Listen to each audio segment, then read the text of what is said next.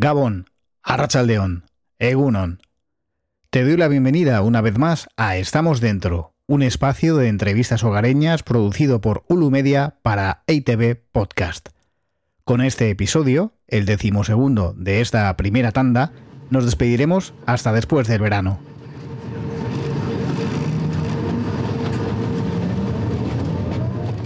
Venía yo pensando, a bordo de este autobús que me ha traído hasta Vitoria-Gasteiz, en cómo titular este episodio, y la verdad es que no he encontrado una fórmula más apropiada que esta. Érase una vez. Tres palabras que funcionan como llave infalible para acceder a infinidad de universos fantásticos.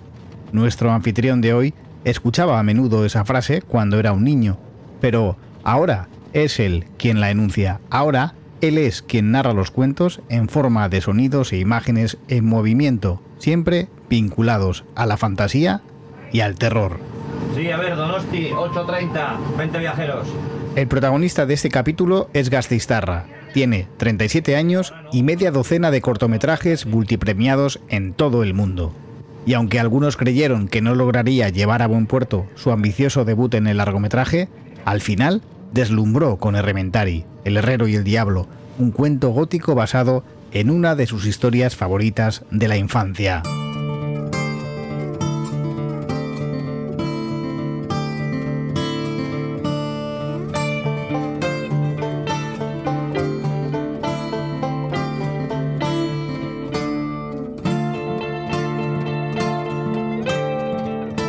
Soy Juan G. Andrés y hoy, en Estamos Dentro, accedemos a la casa de Paul Urquijo. Una de las cosas que muy conscientemente utilizo para poder seguir adelante en, esta gesta eh, o sea, hacer pelis aquí, además de género fantástico, es un género que hay poco y tal, que tienes que pelear durante muchos años hasta levantar la peli. Con y fueron ocho.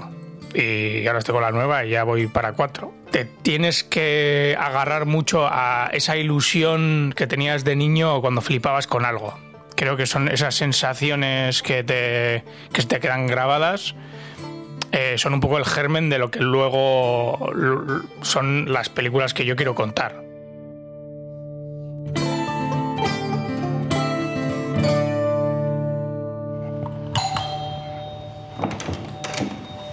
Apa, Paul. Apa, eh. Apa, kaixo, eh, bueno, barkatu madrugo ya eta... Lase, lase, venga. aurrera. Venga, saietuko gara harik eta azkarren bukatzen. Cuando le visité en diciembre, Paul llevaba un año viviendo en su piso del vitoriano barrio del Pilar. Las cajas aún se amontonaban en el pasillo porque no había tenido tiempo de terminar la mudanza. ¿Qué pasa? Vale. ¿Qué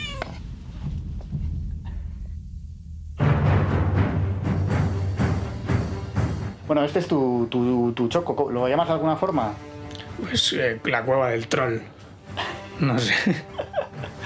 Eh, bueno, está todo lleno de, de, figuritas, de personajes, de máscaras africanas, eh, máscaras de.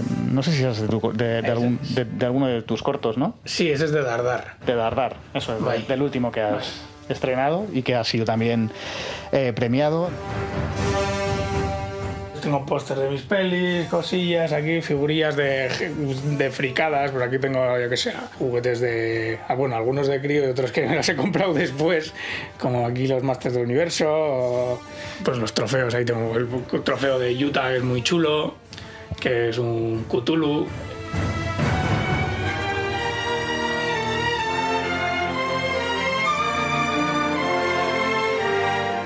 Colecciono también videojuegos antiguos como el Monkey Island. Ah. Hay algunos también de la Master System y así. Y bueno, pues aquí pues mi colección de cómics y pelis, figuras, yo qué sé. Oye, eh, eh, por un casual, ¿tienes a mano el, cuento de Pache Rementaría? El, el, cuento original, el que tú tenías de niño. Ah, mira. Listo. ¿Quién son? ¿Los dibujos son de...? Jesús Lucas. Todos los apuntes de, de, Barandiarán, por ejemplo, aquí, pues estos libros son la, edición, completa de la obra completa de Barandiarán, de, de María de Azcue también tengo. Pues todo para mí pues es, es bastante tesoro. pero, pero bueno. Eh, aquí se mezclan la, cultura eh, popular con la alta cultura, ¿no? Sí. De alguna forma. Cultura profunda. Eh, tienes el cartel del exorcista, el, cartel de Rementari, un escudo, una espada. Pues eso, películas. Tienes todo Tarantino, Kaurismaki, los Cohen. Sí, pues, pues de todo, de todo es muy desordenado. Aquí tengo Jodorowsky, Buñuel, Chomón, Conan, ah. Asterix, El hundimiento, Tesis. Tanto está todo El Hobbit junto a Mama y Stalker de Tarkovsky. está todo bastante desordenado. Y luego aquí tengo los vinilos, que he empezado a hacer la colección de vinilos hace poco porque no tenía. ¿Qué reproductor ahí? Sí, sí, me regaló eh, mi chavala en mi cumpleaños el año pasado y he empezado aquí a, hacer un poco colección. Muy bien. Y tengo pues, bandas sonoras aquí. Tengo la banda sonora de Akira, de La princesa Mononoke, de Conan, Robocop. es de bandas sonoras, básicamente, la colección de vinilos. Bueno, no, aquí también algunos de Sociedad Alcohólica, Mantar, mira, de hecho está aquí el, el Electric Messiah de High on Fire. Y bueno, una Sepultura, no, Akira.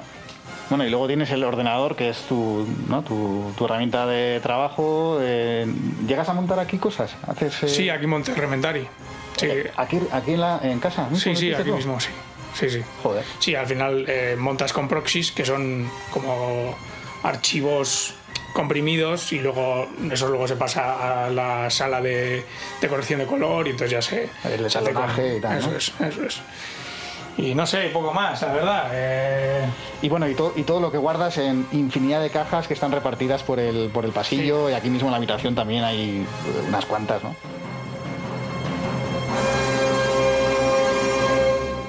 entonces Paul eh yo quería preguntarte lo siguiente, si tuvieras que dar comienzo al cuento de, tu vida con esas palabras, eras una vez, ¿cómo lo harías?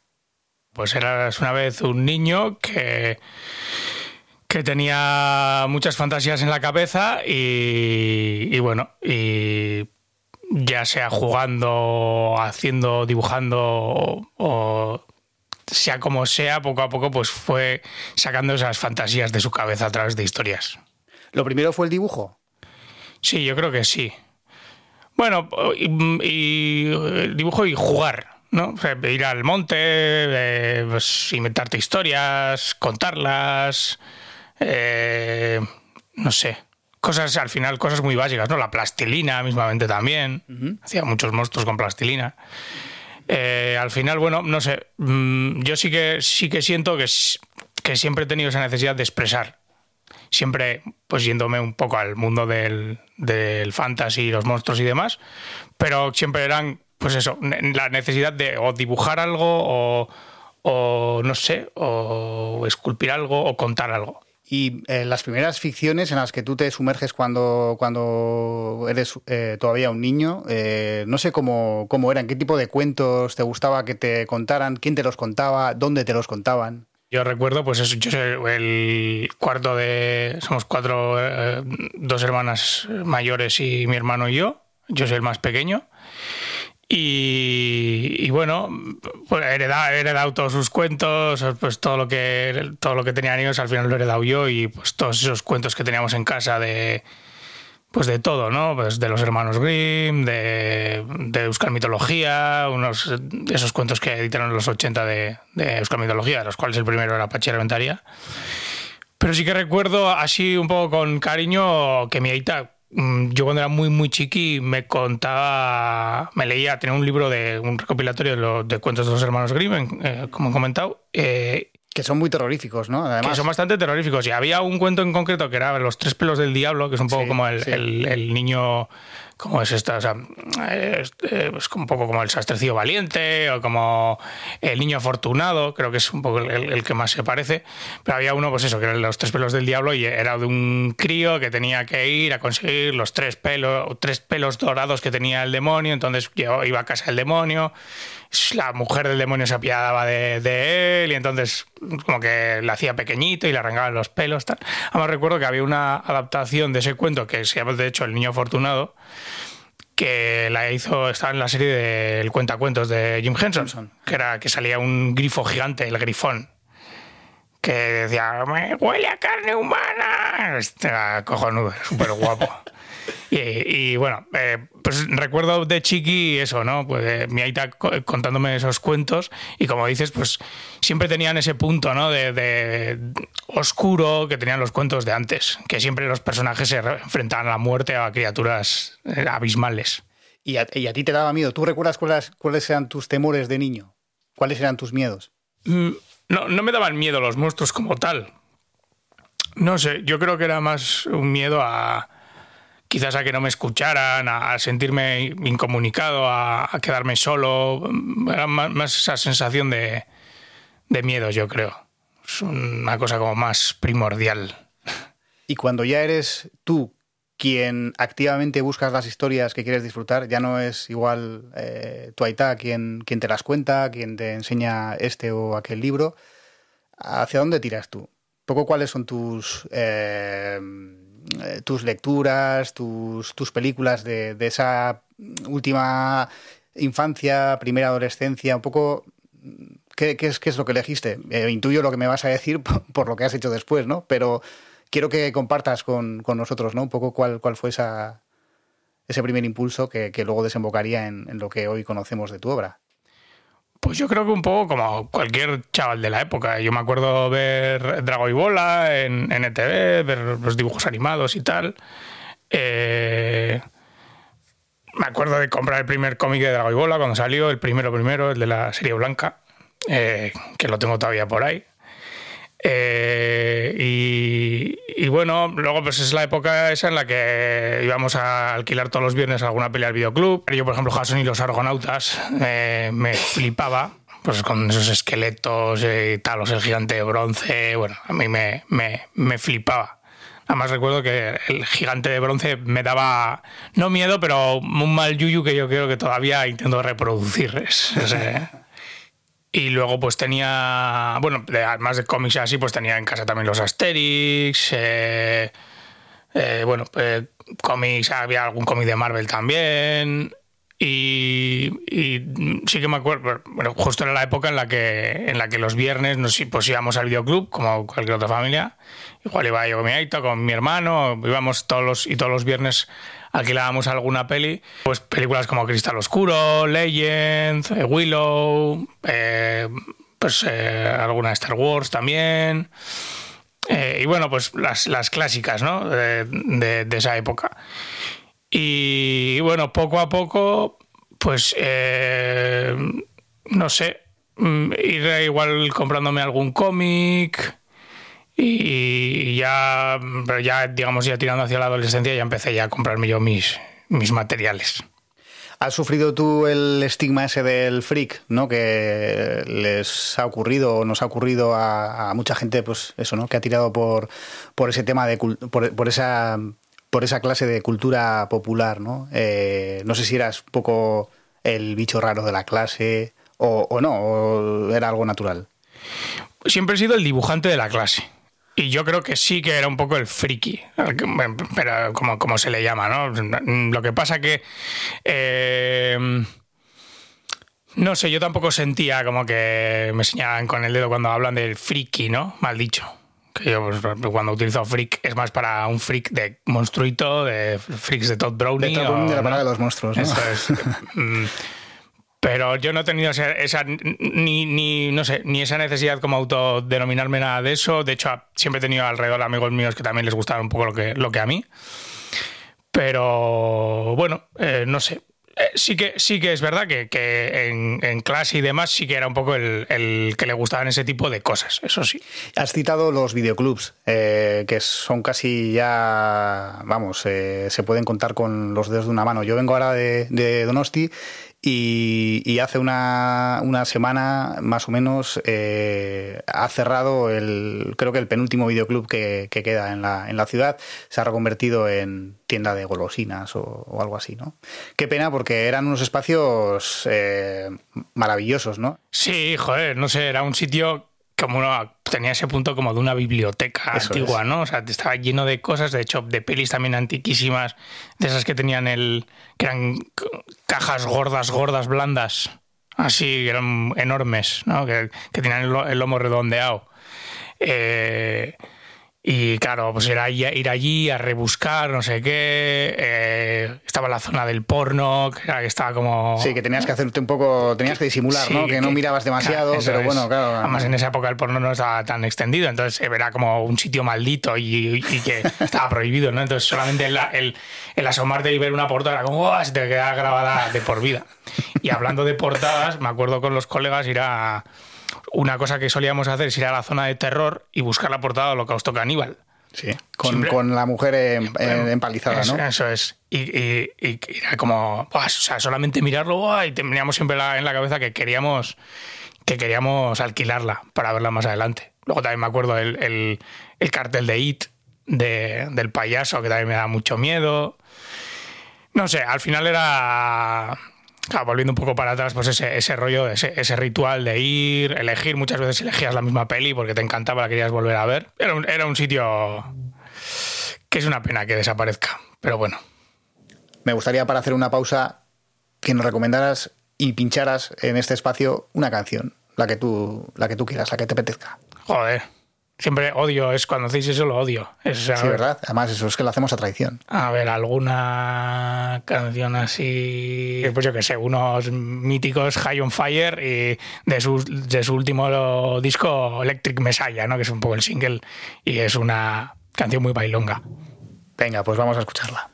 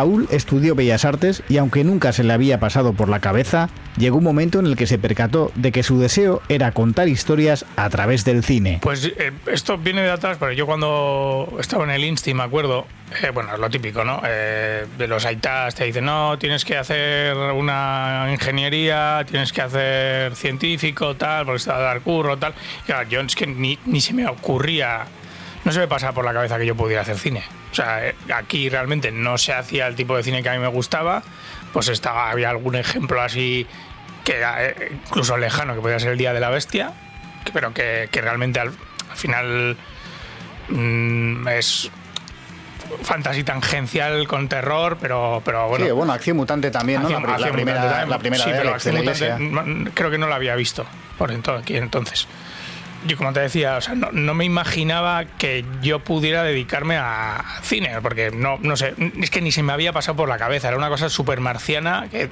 una cosa que, la puedes soñar como ser, no sé, no sé, criador de delfines, yo qué sé, una cosa así como que una cosa marciana que la hacen unos pocos, vete a saber dónde y vete a saber cómo llegan, ¿no? Entonces yo, mm, siempre he sido dibujante, mi idea era un poco ser eh, ilustrador, eh, era como, mi sueño era igual ser dibujante de cómics, por ejemplo, no era un poco esa idea, ¿no? Pero siempre va a contar historias. Eh, o incluso diseñador de videojuegos, porque en esa época estaba un poco el boom del 3D y de la infografía y tal, siempre se ha alzado muchísimo con ordenadores, siempre me han gustado mucho los videojuegos. Entonces, bueno, pues cuando me, decidí meterme en eh, bachiller eh, científico en principio para eh, tirar quizás por la zona de la infografía, ¿no? Por un poco de ordenadores y llevar, pues, contar historias a través de, ese tipo de, herramientas.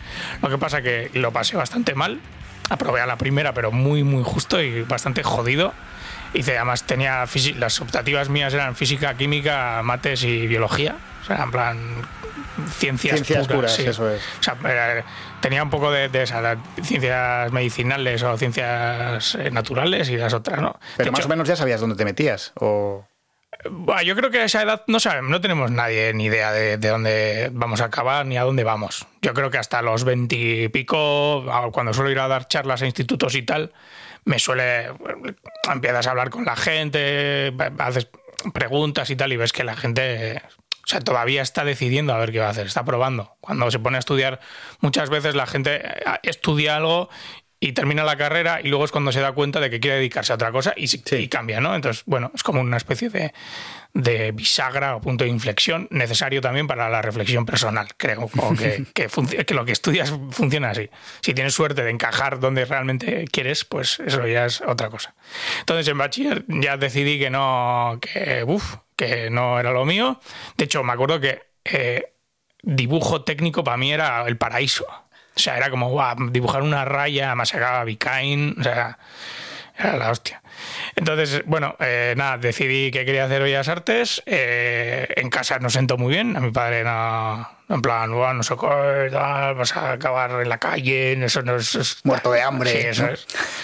Y, y bueno, eh, pues empecé y en principio con idea de hacer ilustración, sobre todo. Y el primer año ya tuvimos una, una, asignatura de audiovisuales. Y ahí empecé por primera vez, con 18 años, la primera vez que tuve una cámara entre mis manos. nunca había, en casa nunca habíamos tenido ni cámara ni nada.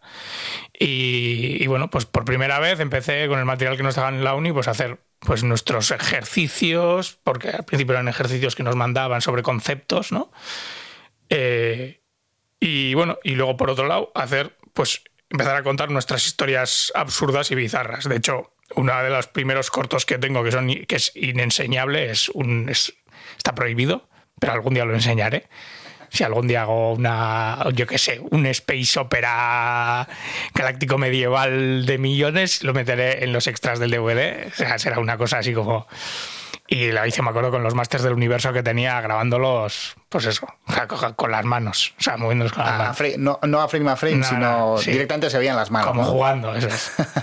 Abrí la caja de los masters y buah, empecé ahí a hacer el, el imbécil. Y, y nada, ahí empezamos a, hacer cortos con los colegas, a hacer cosas absurdas, bizarras, eh, gores, eh, bueno, pues en, la línea, ¿no? Un poco yo creo que es lo que... Lo que con mucha salsa de tomate, ¿no? Exacto, exacto. Eh, lo que nos gustaba, ¿no? Casi para pasárnoslo bien. Y, y bueno, ahí poco a poco vi que lo que hacía gustaba de hecho, nos, hacíamos una especie como de festival de cortos underground en, la facultad, se llamaba Cortada Infame. Y entonces cogíamos y nos poníamos los cortos, nos reíamos y al ver que funcionaba la cosa, empezó a pecar ya el gusanillo y tal y empezamos a, pues, a hacer cosas cada vez más más complejas, pues a de repente a escribir un guion bien, a plantear eh, las localizaciones, a vamos a ir a este sitio, tú vas a hacer de no sé quién, tú vas a hacer de no sé cuál, cuidar el vestuario, mm, igual meter algunos efectos digitales, así con el ordenador, cuando todavía eh, o sea, no, eh, montábamos, todavía no existía el HD, me acuerdo, de hecho para, para o sea, era con cintas en ese momento estaban las mini DV. Y, para, me acuerdo que, bueno, grabamos en PAL en, en 700, 720 por 556 píxeles. Y para que pareciese cine nosotros poníamos, pegábamos eh, cinta aislante en el, en el objetivo o en la pantalla para que, pareciese, para que pareciese panorámico y eso... Que fuera como el escope, ¿no? Claro, claro, para nosotros era, eso ya era cine. Ya, ¡buah, mira, él tiene el look del cine, guau. Y incluso luego, pues, o si lo grababas, luego pues en, en, el, en, en el Premiere, o en, que en, ese, en esos momentos estaba como que acababa de, de, aparecer. De hecho, estaba el Avid también. En ese momento era como el programa más, más cañero. Eh, nada, le poníamos bandas negras arriba y abajo, pues parecía, pareciera cine. Y eso ya nos parecía acojonante. Comiéndote la imagen que habías grabado, claro. Exacto, exacto. Sí, sí.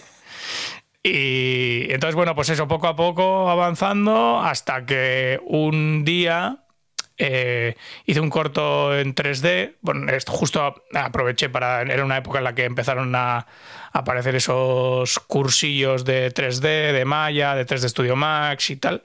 De animación, justo había salido Toy Story. Era un poco ese, ese momento. Y entonces hice un cortito en casa con, con el programa Maya de animación que se llama Clavos o Ilchak y lo presenté a un concurso. De hecho, lo hice para el concurso porque era un, un, concurso que sacó de TV que eran cortos de un minuto. Entonces dije, venga, voy a hacerme una cosa muy sencillita. Se me ocurrió una idea muy, muy chorra en la que los personajes eran clavos, que no tenían mucha animación, pero tenían caras y, bueno, una cosa muy sencillita basada en un, en un, en un refrán y tal. Está en internet. Y, y, y, y gané el premio. Entonces, con ese premio te, te, lo que hacías era poder producir el siguiente, un siguiente corto. Creo que eran 1.500 euros de, de, premio. Y entonces hice el siguiente corto ya, que sería eh, El pez plomo, que para mí fue un poco el primer corto eh, semiprofesional. Sí. Además fue en HD, con la Z1, la primera cámara así. Tiene, tiene, unos escenarios muy, muy chulos. Está Chema Blasco. Eh... O sea, ya que fue, fue un rodaje cuatro días. Eh, tenía por primera vez un dire de foto, un. Eh, pues eso, eh, yo qué sé, produ bueno, producción, producción la, la, hice yo, pero con un colega. Pero bueno, eso, que, que, era un poco el concepto de rodaje, la primera vez que, que, que hice un rodaje a, a, ese nivel, ¿no? Organizándolo, pareciéndose más a lo que se suele hacer normalmente.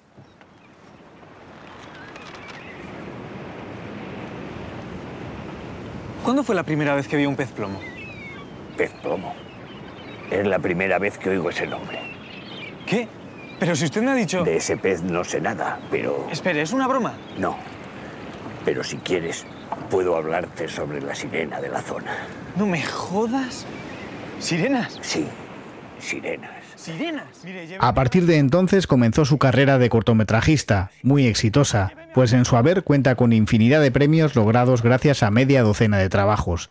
Y hoy en día, aunque ya ha dirigido un largometraje, sigue cultivando el formato breve. Déjame contarte la historia y te devuelvo a puerto.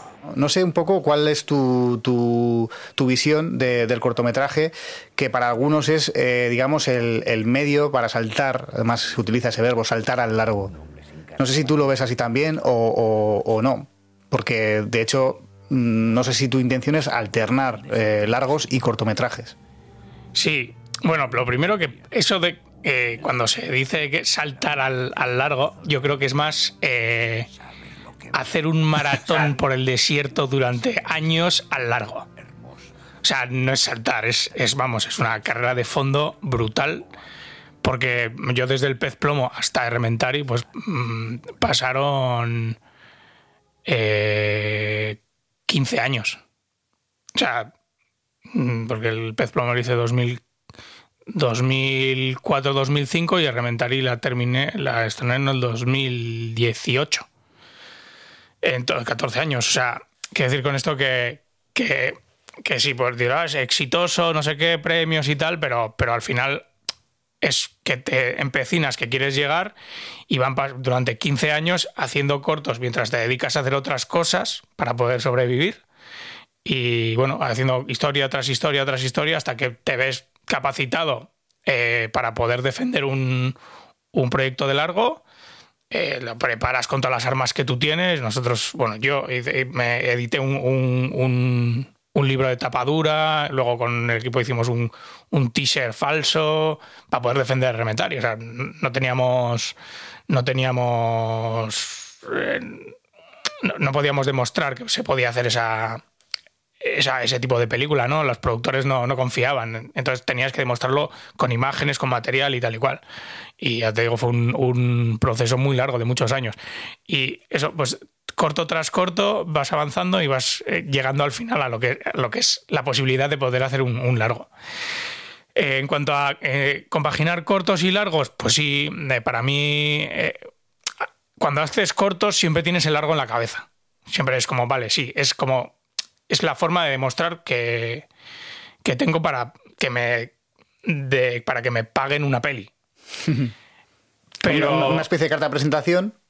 Sí, también, también eso es, es, un, es, por un lado, es un poco la, la escuela para poder aprender, porque yo sobre todo he aprendido en, los cortos, en la universidad también tuve asignaturas de, de, de cine, tuve un profesor eh, muy bueno que se llama Pacho Urquijo, que no, no, no está para nada, eh, no, es, familiar mío ni mucho menos. Digo que con el corto eh, aprendes ¿no? a, a contar historias, es un poco tu universidad, pero también es el camino al largo, ¿no? Siempre estás con la idea en largo. Ya una vez que ya has llegado al largo, te das cuenta de que el corto te ofrece ciertas cosas que no te da el largo, que es un, un espacio donde experimentar, es eh, un tipo de formato diferente para contar historias cortas, ¿no? Como existe la novela o los relatos cortos. Es, al final es, eh, la literatura es igual. Entonces, bueno, es, al final es un formato diferente. Yo quiero seguir haciendo, de hecho sigo haciendo, acabo de hacer uno, entre peli y peli, y, y creo que es un formato a defender. El problema es que pues no tiene, no tiene tanta salida comercial como, como el largometraje. Sí, el problema de la exhibición, ¿no? Que si no lo haces a través de festivales, eh, es difícil que, que se, que se visualice el, el corto, ¿no? Eso es. O sea, al final el, el circuito que tienes para los cortos son los festivales, que está de la hostia, está muy, muy bien. Y hay gente que conoces a gente cojonuda. eh, muchas veces casi te, las- te dan ganas de hacer un corto para ir a los festis, para poder ver a los colegas y poder compartir un poco eso, ¿no? Se lo he escuchado a más cortometrajistas, eso mismo, sí. Sí, está guay. O sea, es que el, es que el mundo de- del, del festi del corto está, está muy bien. La verdad. Además, el de, sobre todo el de género. El género fantástico es una gozada. A nivel internacional, además, ya nos conocemos muchos y, y está guay. Ahora no se puede ir a visitar a nadie, pero, pero la verdad es que es, es una parte muy bonita del corto. Galdetzerik bai zerek ekar zaitun, ergoion honetara? Alfredo Ortiz nozue. Diputazioko komisarioa. Kontu bat ikertzen ari naiz. Nola heldu naiteke errementeriara? Garbitokire altzean hartu egizu, eskerretara don bidea. Gero segi errekari, basoan ondotik. Baina asti ibili. Toki hartan deabroa bizi da.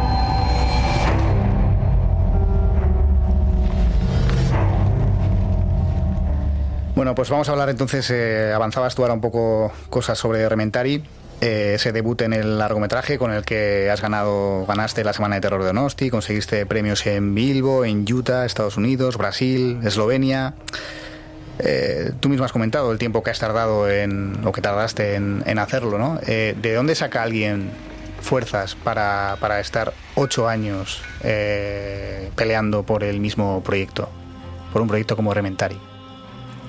La ilusión, la ilusión de poder eh, mm, visualizar lo que llevas dentro, ¿no? Es como una especie de, exorci- de exorcización, de exorcismo. Eh, dentro tienes muchos demonios y necesitas sacarlos fuera, ¿no? Eh, y muchas veces esas escenas que se te ocurren representan esas sensaciones, imágenes o sentimientos. Y cuando, bueno, tienes esa idea de que quieres hacer el largo, ¿no? Estás muy convencido, vas haciendo los cortos, estás obnubilado por ese mundo y, dices, bueno, ¿cuál es mi peli, no? ¿Cuál, qué- cuál quiero que sea mi, mm, mi primer largo? No sé si, si primero se me ocurrió la idea del largo o, fue una cuestión de decir, bueno, ¿cu- ¿cuál quiero que sea mi largo? Pues automáticamente tenía la respuesta, o sea, ya sabía que quería que fuera Apache Rementaria. Eh, al final, pues los cortos que yo hacía de. Bueno, todos los cortos que había hecho eran de género fantástico, es el tipo de cine que me gusta, con monstruos, cada veces con un poco de humor negro, ese punto de cuento, ¿no? de horror gótico y tal. Entonces, eh, no sé, en Rementari, que era uno de mis cuentos favoritos de crío, mm, vi que había ciertos elementos que, pues desarrollándolos, añadiendo personajes, ubicándolo en una época histórica y tal, pues podía dar pie a una película de género fantástico, en euskera además, eh, pues que tuviera esos ingredientes, ¿no? Con monstruos, con humor negro, con hostias, con una ambientación chula que es al final lo que, lo que a mí me gusta y lo que es lo que quiero hacer. Entonces, bueno, te quedas, eh, encuentras esa piedra a la que agarrarte, esa ilusión, ¿no? demonios rojos, el infierno, hacer eso tiene que ser la hostia, qué guay y tal. Y, entonces, pues vas, eso, vas eh, avanzando, diseñando tal y cual y los pasos hasta llegar a esos ocho años, pues, pues son largos. Eh, primero pues es el guion, luego eh, yo como soy ilustrador hago mis propios eh, concept arts. Como antes he dicho, edité un libro de tapadura, como típicas típicos libros estos de, de El arte de, del Señor de los Anillos o tal y, vas avanzando, vas avanzando, mm, consigues una subvención para desarrollo, entonces ya, bueno, pues ya te puedes volcar. Y en esa búsqueda de, financiación y de apoyo, eh, ¿cuánta gente te llamó loco? O, te, dijo, no vas, a, no vas a sacar adelante un proyecto así como tú lo quieres sacar? Mucha, mucha. Al final ibas a, a productores y había muchos que te decían, esto es muy caro o esto es una majarada, no tiene ningún sentido, esto que se, se vean demonios, pero no, tú no has visto el exorcista, chaval, que lo mejor es que no se vea. Sugerir. Sugerir, sugerir. No, yo, no, no, que va, que va. Sí, lo que mola es que se vea, porque es que es un cuento. O sea, es, es un tono completamente diferente, no es una peli de terror. Es un cuento clásico. Eh, que es clásico hasta en la puesta en escena, eh, hasta, hasta el, eh, el, diseño de los monstruos, ¿no? Eso es. O sea, era un poco llevarlo a ese mundo dantesco medieval, eh, casi con un punto guiñolesco de pantomima, ¿no? Un poco el cuento, ¿no? una historia contada eh, junto al fuego. Era un poco eso. Y ya te digo, había, hubo mucha gente que me dijo que no. Pero bueno, yo estaba convencido y emperrado y venga, para adelante, para adelante, para adelante. Y al final, pues lo conseguimos. Y Errementari es una película de, bueno, bajo presupuesto no sé si diría, pero no de un gran presupuesto, pero en cambio tiene hechuras y, aspecto de gran producción y, bueno, por ejemplo, todo, ¿no? La puesta en escena, la ambientación, eh, las interpretaciones, el final del, infierno es alucinante, está muy, muy logrado y te metes dentro y eso, con, además con, con esa textura de cine, de cine clásico, ¿no? Cine gótico, eh, el resultado fue fabuloso y, bueno, supongo que eh, te encantaría cerrar algunas bocas, ¿no? Pues es que casco. Pues eh, sí, no sé. Bueno, ya ha habido alguno que me ha venido y me ha dicho, hostia, Soriona, que Paul, alguno de esos productores. sí, bueno, al final yo creo que siempre pasa. En el cine, toda película es difícil.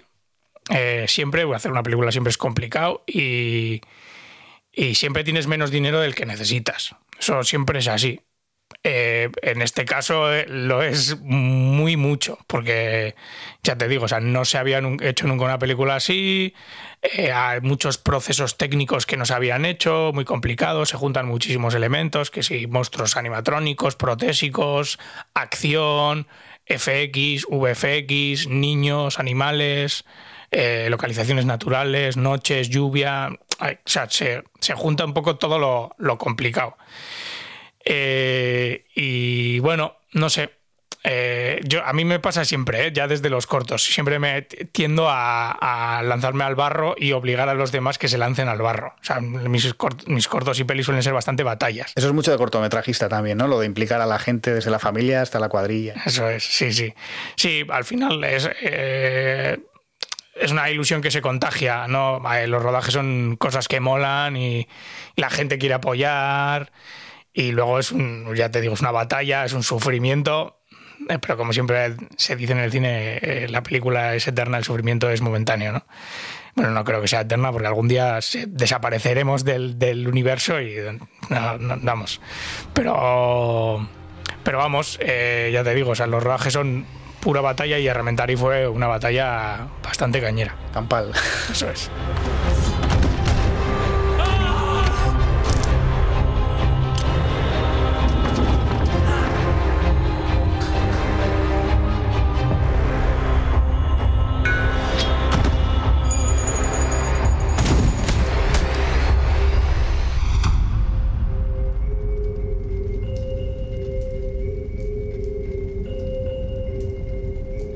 Paul Urquijo pertenece a la familia de cineastas cada vez más numerosa en Euskal Herria que realiza su trabajo en su idioma, el euskera, y además sus propuestas suelen proceder de nuestro folclore, nuestra tradición y nuestra historia. Su segundo proyecto largo, Irati, va en esa línea. Sí, sí, eh, la verdad es que bueno, tengo, tengo bastantes proyectos eh, sobre la mesa, eh, varios guiones, todos son de género fantástico y relativamente todos de alguna manera conectados con el folclore, ya sea de aquí o de, o de otros sitios, pero en, en, general de aquí.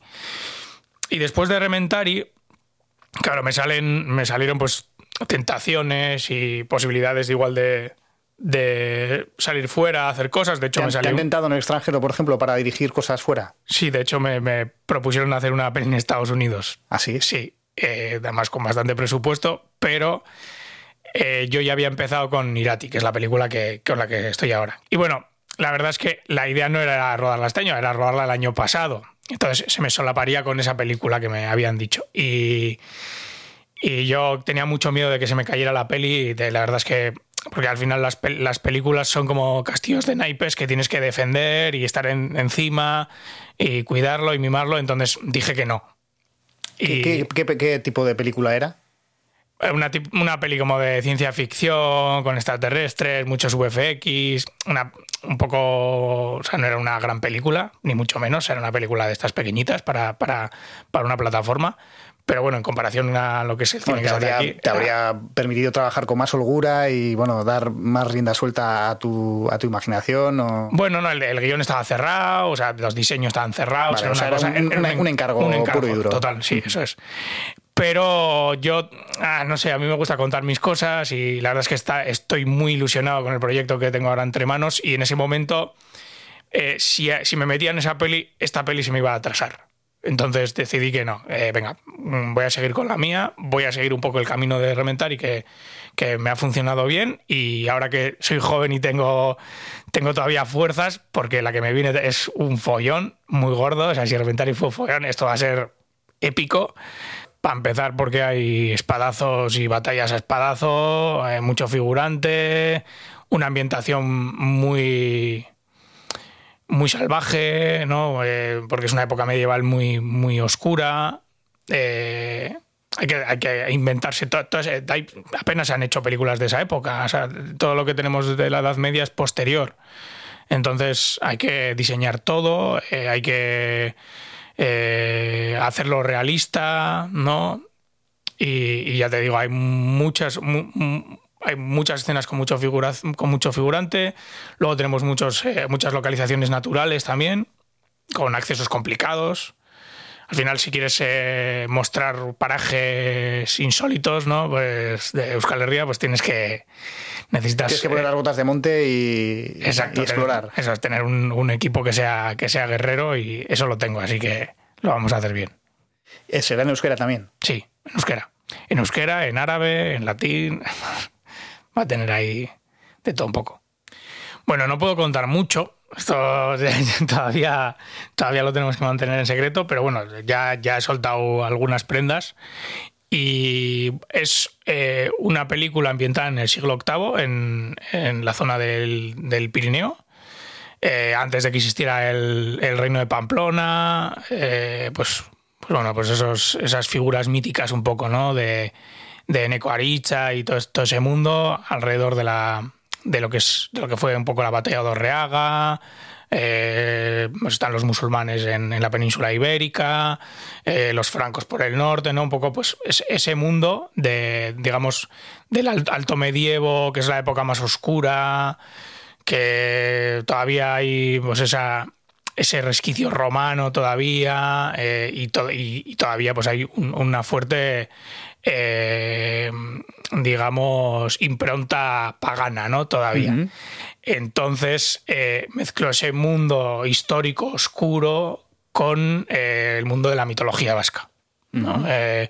ya entrando a, a lo que es, para mí, un mundo más antropológico, mitológico, mucho más telúrico, oscuro, ¿no?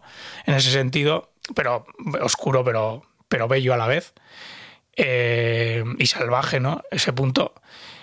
Eh, más que, para mí, por ejemplo, si Rementari es más un cuento folclórico, al final, de hecho, Rementari bebe más de la, de la mitología cristiana también, pero es, un, es parte del, de, del compendio fol- folclórico que tenemos los vascos. Irati es, eh, es un tipo de mitología, un- un tipo de simbolismo muchísimo más arcano. O sea, es una cosa que viene de muy atrás. Es, digamos que la mitología que tenemos hoy en día es un fósil de creencias antiquísimas y, y- y un poco, pues esta película para mí va a representar un poco el, el- el conflicto entre las nuevas religiones, las antiguas y todas esas cosas que tienen nombre y por lo tanto si tienen nombre existen, ¿no? Como dice el- la típica frase de Isenadu angustia omenda. Va a haber monstruos. Por supuesto, a haber monstruos. No va, yo dudo mucho que haya alguna peli que haga que no haya monstruos. Eso te quería preguntar. ¿Te ves haciendo una, imagínate, ¿eh? una comedia romántica o no sé? Si hay monstruos, sí. no, sí, a ver, yo sí que es verdad.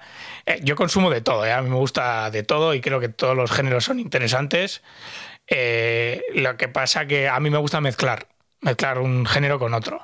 Eh, y sobre todo que, que a nivel a nivel de diseño, de, de posibilidades de experimentación, el género fantástico siempre te da mucha libertad para crear esas cosas absurdas y surrealistas, ¿no? Y yo es que disfruto mucho con ese, con ese proceso. Entonces, es claro que haría una comedia romántica, pero algo, algo, algo pasaría ahí raro. O un musical. Sí, sí, musical, sí. Yo creo que el género, y, el género fantástico y el terror con el musical le encajan perfectamente. Ahí están antecedentes como Rocky Horror Picture Show, o- ¿no? Eso es, sí, o Sunitud, o yo qué sé. Hay, hay cosillas, hay cosillas por ahí. Y en el futuro igual no descartas intentarlo fuera si hay más ofertas o... Sí, por supuesto, no, no, vamos, o sea, me encantaría poder, poder eh, trabajar fuera, eh, en esas industrias también, ¿no? Que, bueno, eso, otra experiencia, es diferente. ¿Y qué te, qué te gustaría? O sea, ¿qué, qué te gustaría que te ofrecieran o qué te gustaría poder hacer con, con más dinero, con más medios eh, en el extranjero o aquí mismo, vaya? O sea, sin salir tampoco de, de casa, ¿no? ¿Cuál, ¿Cuál es tu película ideal? O sea, la, la- la que tú harías si, si pudieras. O, pues no sé, algo con muchos monstruos muy grandes y, y yo que sé, algo épico. Una especie, como antes hemos dicho, una especie de space opera medieval eh, monstruosa, no sé. Al- algo que fuera una locura. Como ha quedado claro, el trabajo de Paul se enmarca en el cine de género que durante muchos años no ha sido tomado muy en serio por cierta crítica y cierta cinefilia que lo consideraban algo menor. Esta situación está cambiando poco a poco, pero muchas veces películas como las suyas solo tienen cabida en festivales especializados. Bueno, eso es cosa de los seleccionadores de los festivales. O sea, yo ahí no entro si, si mi peli es mejor o peor, o les gusta o no les gusta. Eso, en principio, yo creo que. O sea, lo primero es eso, ¿no? Hay un punto en el que dices, bueno, si no lo seleccionan es porque no les gusta y ya está. No tiene por qué ser mala ni nada así, ¿no? Eh, lo que sí que es verdad, bueno, que se han generado como unos nichos, como unas tendencias, hay eh, festivales que están especializados en una cosa o en otra, y entonces mm, los festivales de género tienen pelis de género y las que no son de género, o sea, o lo, otro, pues tiene las, las pelis que no son de género, en general. Tampoco suelen tener mucha comedia, que es otro, otro género que también está un poco denostado, pero, pero a o sea, el, el decir que el género fantástico está considerado como algo inferior es por pura ignorancia. O sea, la gente que pueda pensar eso realmente es por pura ignorancia. Porque ha visto poco buen Sí, cine fantástico. Porque ha visto poco cine fantástico. Porque, porque no quiere decir que haya mucho malo, porque del otro de la otra hay, hay de, hay de- hay de todo en, en todos los géneros. Pero vamos, decir que es superior una- un género que no tiene es- escenas surrealistas, fantásticas y tal, es mejor porque no las tiene que porque las tiene es absurdo. O sea, no tiene ningún sentido. El cine es ficción, todo, todo es mentira, ¿no? Es más, yo creo que es mucho más poderoso y te da muchísimas más alas el género de el género fantástico porque ahí puedes hacer lo que te dé la gana. Y hay gente que con eso hace absolutas maravillas eh, que no te podías ni imaginar, ¿no? Y no sé, desde la cosa más absurda, loca, divertida, la cosa más terrorífica, oscura, seria, dramática, no sé. Eh, mm, de hecho, ya hay muchos ejemplos, ¿no? Cuesta mucho que aparezcan, pero, pero yo qué sé, mira, ahí tienes a Guillermo del Toro que ganó el Oscar con, con La forma del agua y es un cuento. O sea, aquí no, no es una cosa ahí súper seria. Pero bueno, pero habla de cosas de temas sociales muy profundos, habla del amor, habla de, de los freaks, ¿no? En, sociedades eh, eh, encorsetadas y tal. Bueno, no sé, yo a mí me parece una gilipollez realmente cuando dicen eso. Yo, yo últimamente sí que he detectado además que en los eh, grandes festivales no de género eh, sí que se va colando cada vez más eh, cine de cine de género. En el de Donosti ha habido ediciones en las que había dos, tres, ma- más, de una película enclavada en el género, ¿no? Sí, sí, supongo que, bueno, aparte, bueno, justo además en el cine Maldi, Rebordinos es, eh, viene, él viene del género fantástico, o sea, le, flipa, viene de, la semana de terror, ¿no? Eh, pero yo creo que también es verdad que, que el propio público de los festivales eh, marca un poco también el, el tipo de selección que suelen hacer esos festivales, ¿no? Entonces yo creo que también es un, es un trabajo no solo de los festivales, sino del público, que todos tenemos que consumir de todo.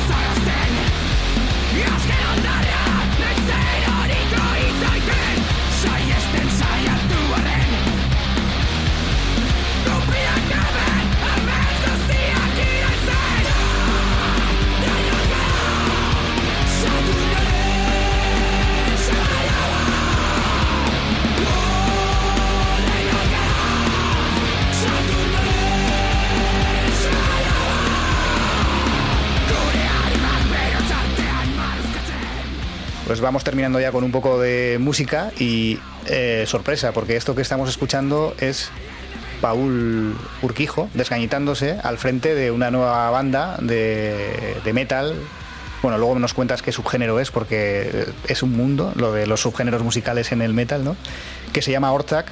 Y, estamos escuchando eh, Saturnoren Semea Lavak, que, bueno, eh, de nuevo mitología, eh, monstruos, eh, ¿no? Se mezclan tus obsesiones también ahora volcadas en la música. ¿Cómo es esto, cómo es esto de, meterte en la música ahora también? Pues a ver, esto ha sido un poco eh, una cosa que ha, sido- ha salido así más poco a poco. Eh, eh, un colega mío de la uni, David Zavala, con el que además también he hecho cortos, pues él toca la guitarra, en su día tocaba en un grupo y tal. Y nada, pues ya te digo, tenía, solía quedar con otro colega que, tocaba la batería y tenían unos temas y, me dijo, oye Paul, ¿quieres ponerle voz? ¿Quieres poner a, a los temas y tal? Y de hecho los tenían grabados los, los temas. Esto fue hace ya más de, igual hace dos años o así.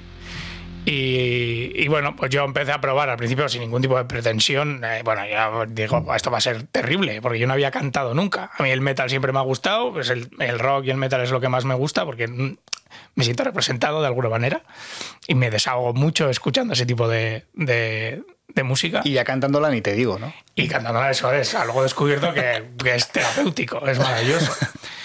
Y nada, empezamos ahí a quedar. Al principio ah, le dije que no. Luego de repente descubrí que cuanto más fuerte grito, mm, mejor.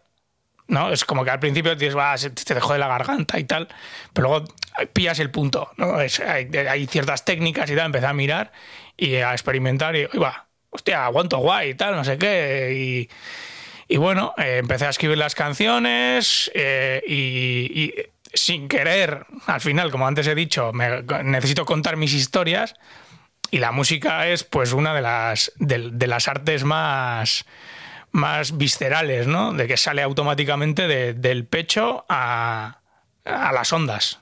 Ah, Incluso musicalmente, ¿no? Es, o sea, es un poco eso, es puro sentimiento abstracto que te entra directamente al, al cerebro reptiliano y Eso, bueno, luego le añades eh, una letra que, bueno, pues que tenga cierto significado y tal y cual. A mí, al final, canto de cosas que me importan. O sea, no, es, no son majaradas. O sea, son como, como si hiciera cada. Para mí, cada canción es una peli. O sea, tiene su historia y tiene su sentido.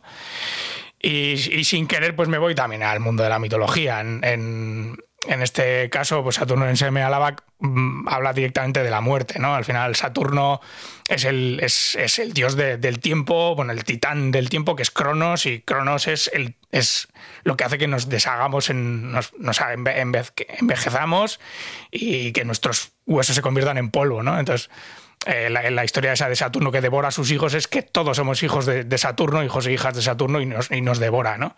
Y yo lo grito para que todos os deis cuenta y os acordéis. Es un poco es al final es un poco desahogarte, ¿no? Hablar incluso de cosas, de cosas que no se pueden decir, que un poco también para joder, ¿no? Para, reflexionar, pero, pero de manera agresiva, ¿no? Y, y bueno, eh, ya te digo, eh, fuimos eh, poco a poco haciendo los temas y, y a lo tonto, a lo tonto, pues nos hemos cascado un, un disco de 10 temas. ¿Y lo vais a sacar y lo vais a presentar en directo? ¿O cómo.? Pues es que no había ningún tipo de pretensión, ya te digo. O sea, yo le he mantenido en secreto a, a mis mejores amigos, mi familia, se lo he mantenido en secreto a todo el mundo porque me da una vergüenza horrible. O sea, no me, no me lo. Ya, ¿qué cojones voy a ser yo cantante? Ya tengo bastante con Claro que pelis, por favor. Y nada, pues al final, joder, lo, lo grabamos, tal, lo grabé en dos sesiones, las grabé así del tirón, todas las canciones, eh, en el estudio de, de Tristán, Aurin, que tiene una chavaleta. Y, y va, eh, pues no, no sé, mm, se lo grabamos, digo, ah, pues está guapo, tal. Bueno, lo sacamos, jo, me da vergüenza, venga, pero sí, hay que sacarlo, tío. Si ya lo hemos hecho, vamos a sacarlo. Y nuestra intención es editar algún CD o igual incluso algún vinilo, pero más como una cosa personal, no sin ninguna intención de, de medrar en este, en este mundo, vamos, para nada. Gentlemen, we're in 3000 BC.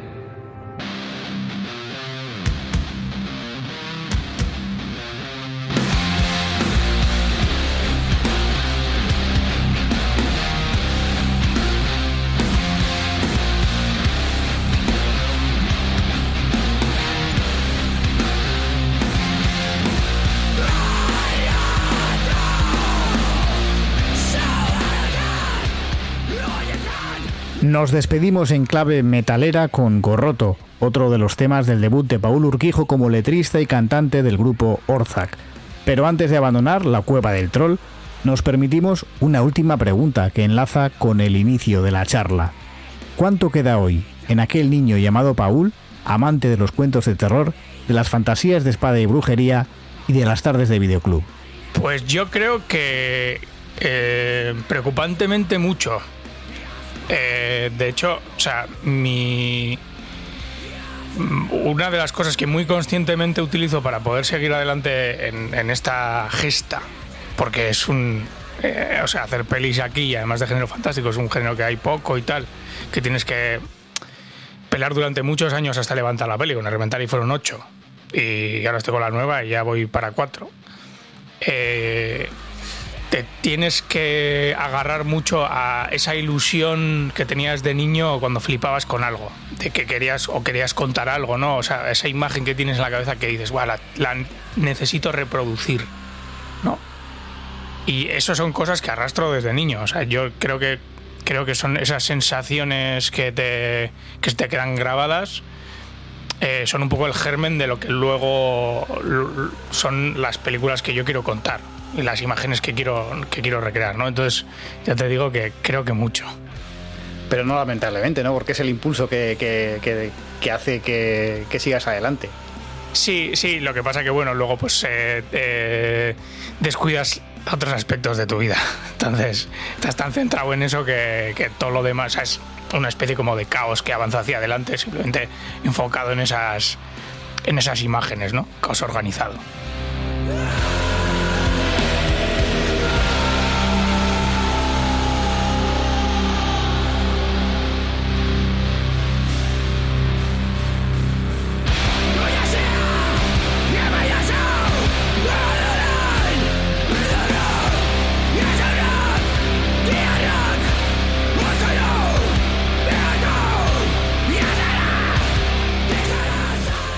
Ahora sí que nos vamos.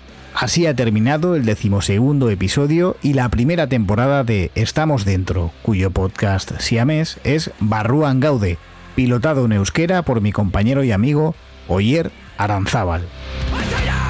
Ahora, tanto él como yo nos tomaremos un descanso y regresaremos en otoño para entrar en la casa de más personajes interesantes.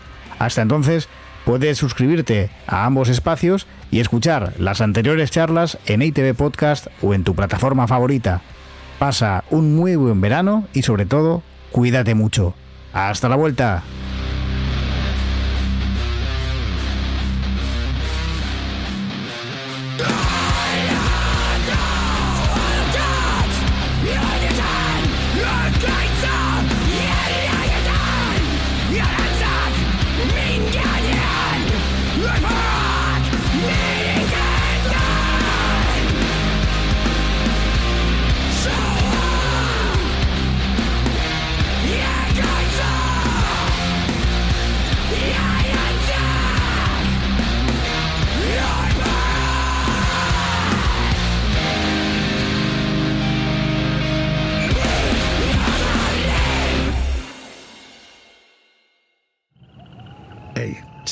Entzun hori. Ulu Media.